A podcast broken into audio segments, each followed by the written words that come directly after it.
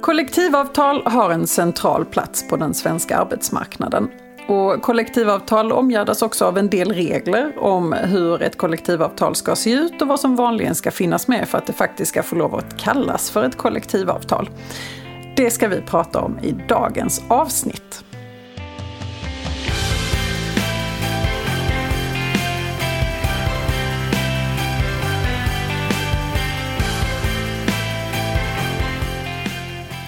Hej och välkommen till Arbetsrättspodden. Podden för dig som verkar inom HR eller hanterar personalfrågor i din vardag. I den här podden vill vi bjuda på nya infallsvinklar och dela med oss av vår kunskap för dig som arbetar inom HR-området. Jag heter Emelie Svensäter Jantorp och arbetar som advokat inom arbetsrätt här på Vinge. Och med mig idag har jag min kollega Karin Gynnestedt som också arbetar med arbetsrätt här på vårt Malmökontor. Hej Karin! Hej Emelie! Idag ska vi reda ut begreppet kollektivavtal. Det ser jag fram emot. Vad säger du? Absolut, det är ett spännande ämne. Ja. Vad är egentligen ett kollektivavtal? Ett eh, kollektivavtal det är en överenskommelse om arbetsgivarens och arbetstagarens rättigheter och skyldigheter gentemot varandra på en arbetsplats. Och vad menar du med det? Jo, kollektivavtal innehåller massa olika regler och villkor som reglerar förhållandet mellan arbetsgivaren och arbetstagaren. Okej, okay, och eh, vilka parter är det som, eh, som ingår ett kollektivavtal? Kan det vara vem som helst? Nej, det kan inte vara vem som helst. Det är lite speciellt med ett kollektivavtal, för det måste slutas mellan en arbetsgivare eller en arbetsgivarorganisation på ena sidan och en arbetstagarorganisation, ofta kallad fackförening eller fackförbund, på den andra sidan. Så det kan inte ingås mellan till exempel en arbetsgivare och en enskild arbetstagare? Nej, det är inte möjligt. Men då kommer man lite in på reglerna om hur ett fackförbund får se ut. Okej, okay, och vad, vad, är det som gäller där? Jo, det finns faktiskt inte så himla mycket regler. Eh, lagen säger att en fackförening eh, oftast, eller ska vara en sammanslutning av arbetstagare som enligt sina stadgar ska tillvarata arbetstagarnas intressen i förhållande till arbetsgivaren. Så det finns inget krav på att ett visst antal arbetsgivare eller arbetstagare ska gå med i föreningen för att det ska vara fråga om en fackförening.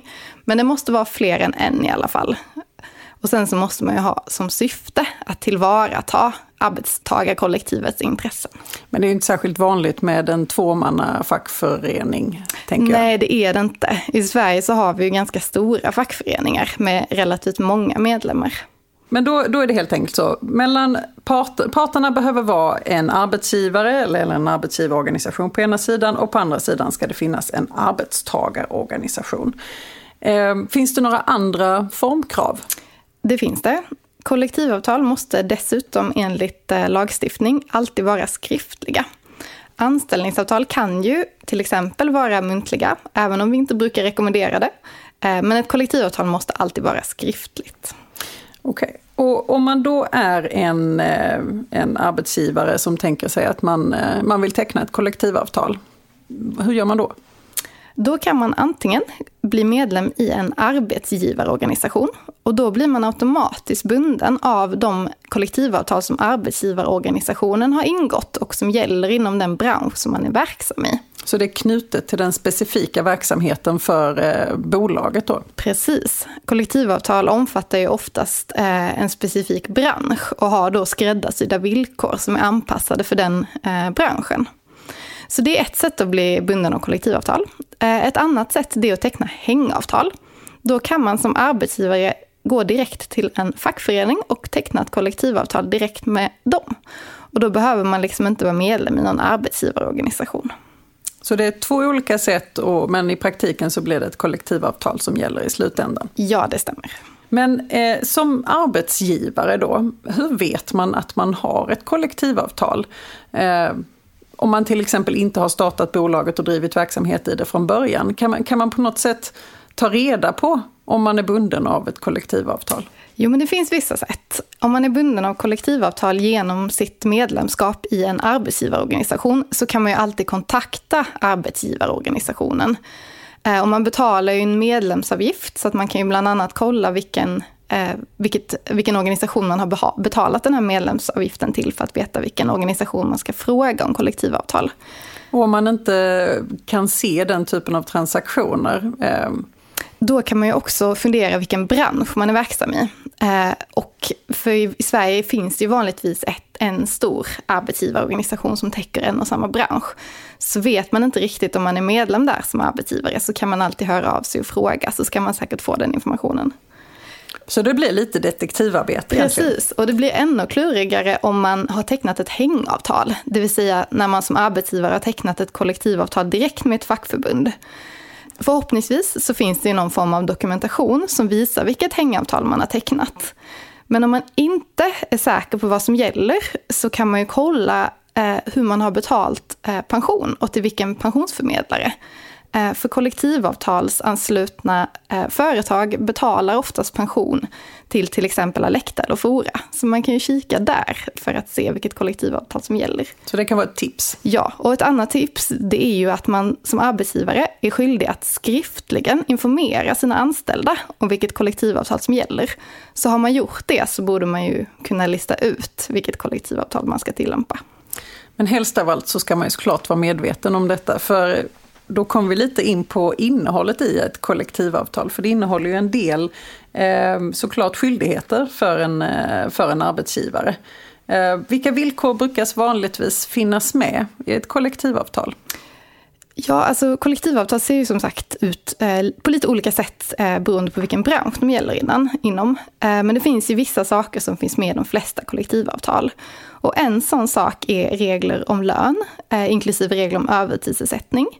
För i Sverige så finns det ju inga lagregler om minimilön, eh, vilket är vanligt i andra länder. Men ibland så kan det finnas regler om det här i kollektivavtal. Ja, typiskt sett löneökningar är ju någonting vi ser återkommande. Absolut, det brukar också vara en del av kollektivavtal. Så regler om lön. Och sen kan man ofta hitta regler om arbetstid, pauser och viloperioder. Eh, och regler om när man får utföra arbete. Till exempel regler som anger om nattarbete är tillåtet eller inte. Sånt kan man ofta också hitta i kollektivavtal. Och där är det väl egentligen så att i kollektivavtalet så kan man Eh, göra undantag från annan lagstiftning som finns, så att man faktiskt eh, inom, om man har det här kollektivavtalet så har man en möjlighet till att eh, faktiskt ha en mer vidsträckt tillämpning av hur man får lov att arbeta på, på ett dygn till exempel. Ja, men det stämmer. Och det är ju också någonting som är väldigt speciellt för just kollektivavtal. Man kan nämligen avvika från lagregler i kollektivavtal, men det kan man till exempel inte göra i individuella anställningsavtal. Och på det sättet så kan man lite skräddarsy villkoren för en viss bransch. Som Emelie var inne på, arbetstider till exempel. Inom vissa branscher kanske man behöver eh, justera arbetstidsreglerna lite grann för att passa Eh, den branschens förutsättningar. Och det kan man göra i ett kollektivavtal. Men, men har man inget kollektivavtal så är det arbetstidslagens regler och de kanske är eh, inte riktigt är anpassade för den verksamhet man bedriver. Men vad finns det mer för typiska regler som kan finnas med? Ja, men då kan vi också ta upp semesterregler. I vissa kollektivavtal så kan finnas regler om att man har rätt till fler än 25 dagars semester per år till exempel. Så då avviker det från semesterlagen? Precis, då avviker man från semesterlagen. Eh, och sen så kan det också finnas regler om uppsägningstid. Eh, vissa kollektivavtal innehåller regler om en annan uppsägningstid än vad som finns i LAS. Och sen som vi redan har varit inne på så finns det ju oftast regler om tjänstepension och andra typer av försäkringar i kollektivavtal. Eh, och exempel på kollektivavtalade pensionslösningar det är ITP1 och ITP2 som de flesta kanske har hört talas om. Men det här är ju såklart bara ett axplock av vad som kan finnas med. Men det är väl ganska tydlig fingervisning om att det är viktigt att man har koll på vilket kollektivavtal som gäller. Och att man också läser det här kollektivavtalet i ljuset av den lagstiftning som finns. Precis, och det är ju viktigt både för arbetsgivare och arbetstagare. För som arbetstagare vill man ju såklart känna till vilka rättigheter man har. Och som arbetsgivare är det viktigt att känna till vilka skyldigheter man har. Sen Men också, också vilka rättigheter till exempel absolut. i förhållande till arbetstiden. Så det, det har du helt rätt i. Goes both ways. Yes. Och sen ska man också nämna att eh, även om man reglerar vissa villkor i ett kollektivavtal så är det oftast den lägsta gränsen för villkoren som ska gälla på arbetsplatsen. Så att ofta så kan en arbetsgivare ge arbetstagare bättre villkor än vad som finns i kollektivavtalet, men inte sämre. Men eh, om vi då tittar, nu pratar vi mycket om skyldigheter då såklart för, eh, för arbetsgivaren. Kan det finnas några fördelar med att ha ett kollektivavtal på arbetsplatsen? Jo, men fördelarna kan naturligtvis vara väldigt många olika beroende på vem man frågar. Eh, men vi kan ju nämna att kollektivavtal oftast är skräddarsydda för den bransch som avtalet gäller. Eh, och det har vi redan varit inne lite på, men eh, kollektivavtalsregleringar är ofta mer specifikt anpassade för förhållanden inom den branschen som det gäller inom. Och det kan såklart vara en fördel för arbetsgivaren. Och sen så kan det också vara till fördel avseende förhandlingsskyldighet. Eh, ett bolag kan vara skyldig att förhandla med fackförbund, även om det inte finns ett kollektivavtal. Eh, men om man har ett kollektivavtal så är det som utgångspunkt det kollektivavtalsbärande facket som bolaget ska förhandla med inför en organisationsförändring eller någonting annat. Eh, och det kan ofta underlätta och effektivisera processen. Så den biten är viktig att ha med sig när man överväger om kollektivavtal är någonting som skulle passa ens företag. Man har ju oftast en, en ganska nära relation till de eh, fackförbunden som man är bunden med av kollektivavtalet i förhållande till. Så relationen därigenom är ju väldigt bra. Man har också en, en ganska långtgående informationsskyldighet i många fall när man har kollektivavtal, men det går vi inte in på så mycket mer idag. Men en, en fråga som ju är kanske en av de verkligen viktiga eh, regleringarna och fördelarna för en, för en arbetsgivare att ha ett eh, kollektivavtal är ju det här med stridsåtgärder. Ehm, för om man har ett kollektivavtal så får ju egentligen inte en, eh, ett fackförbund vidta stridsåtgärder gentemot arbetsgivaren. I alla fall som utgångspunkt. Det stämmer. Eh, och vad är det här för någonting? Vad, vad menar man när man pratar om stridsåtgärder? Precis, och stridsåtgärder det är påtryckningar eh, som ett fackförbund eller en arbetsgivare kan ta till för att driva igenom krav på den andra parten. Och vanligast kanske trots allt är fackliga stridsåtgärder och de kan se väldigt olika ut. Eh, det finns ingen klar definition av vad som räknas som en strids, stridsåtgärd, men tanken med dem är i alla fall att orsaka negativa konsekvenser för arbetsgivaren, så att arbetsgivaren blir pressad att gå med på fackets krav. Vanligast är kanske att man utlyser strejk. Det tycker jag att man hör om då och då. Det är inte jättevanligt i Sverige, eh, men det förekommer. Eh, och andra exempel på stridsåtgärder det är till exempel blockad, bojkott eller massuppsägningar. Eh, och det finns ganska mycket regler som omgärdar när eh, sådana här stridsåtgärder får vidtas. Till exempel så måste man utlysa strejk sju dagar innan den börjar. Och som Emelie sa så får man inte vidta några stridsåtgärder om det finns kollektivavtal. Så att man brukar säga att arbetsgivaren köper sig arbetsfred genom att ingå kollektivavtal. Och det här skapar ju stabilitet på arbetsmarknaden och ger eh, färre konflikter. Och det är lite det som brukar kallas för den svenska modellen, bland annat. Så det finns eh, fördelar med att ingå kollektivavtal, nackdelar säkerligen också, men eh, bra saker att plocka med sig. Absolut.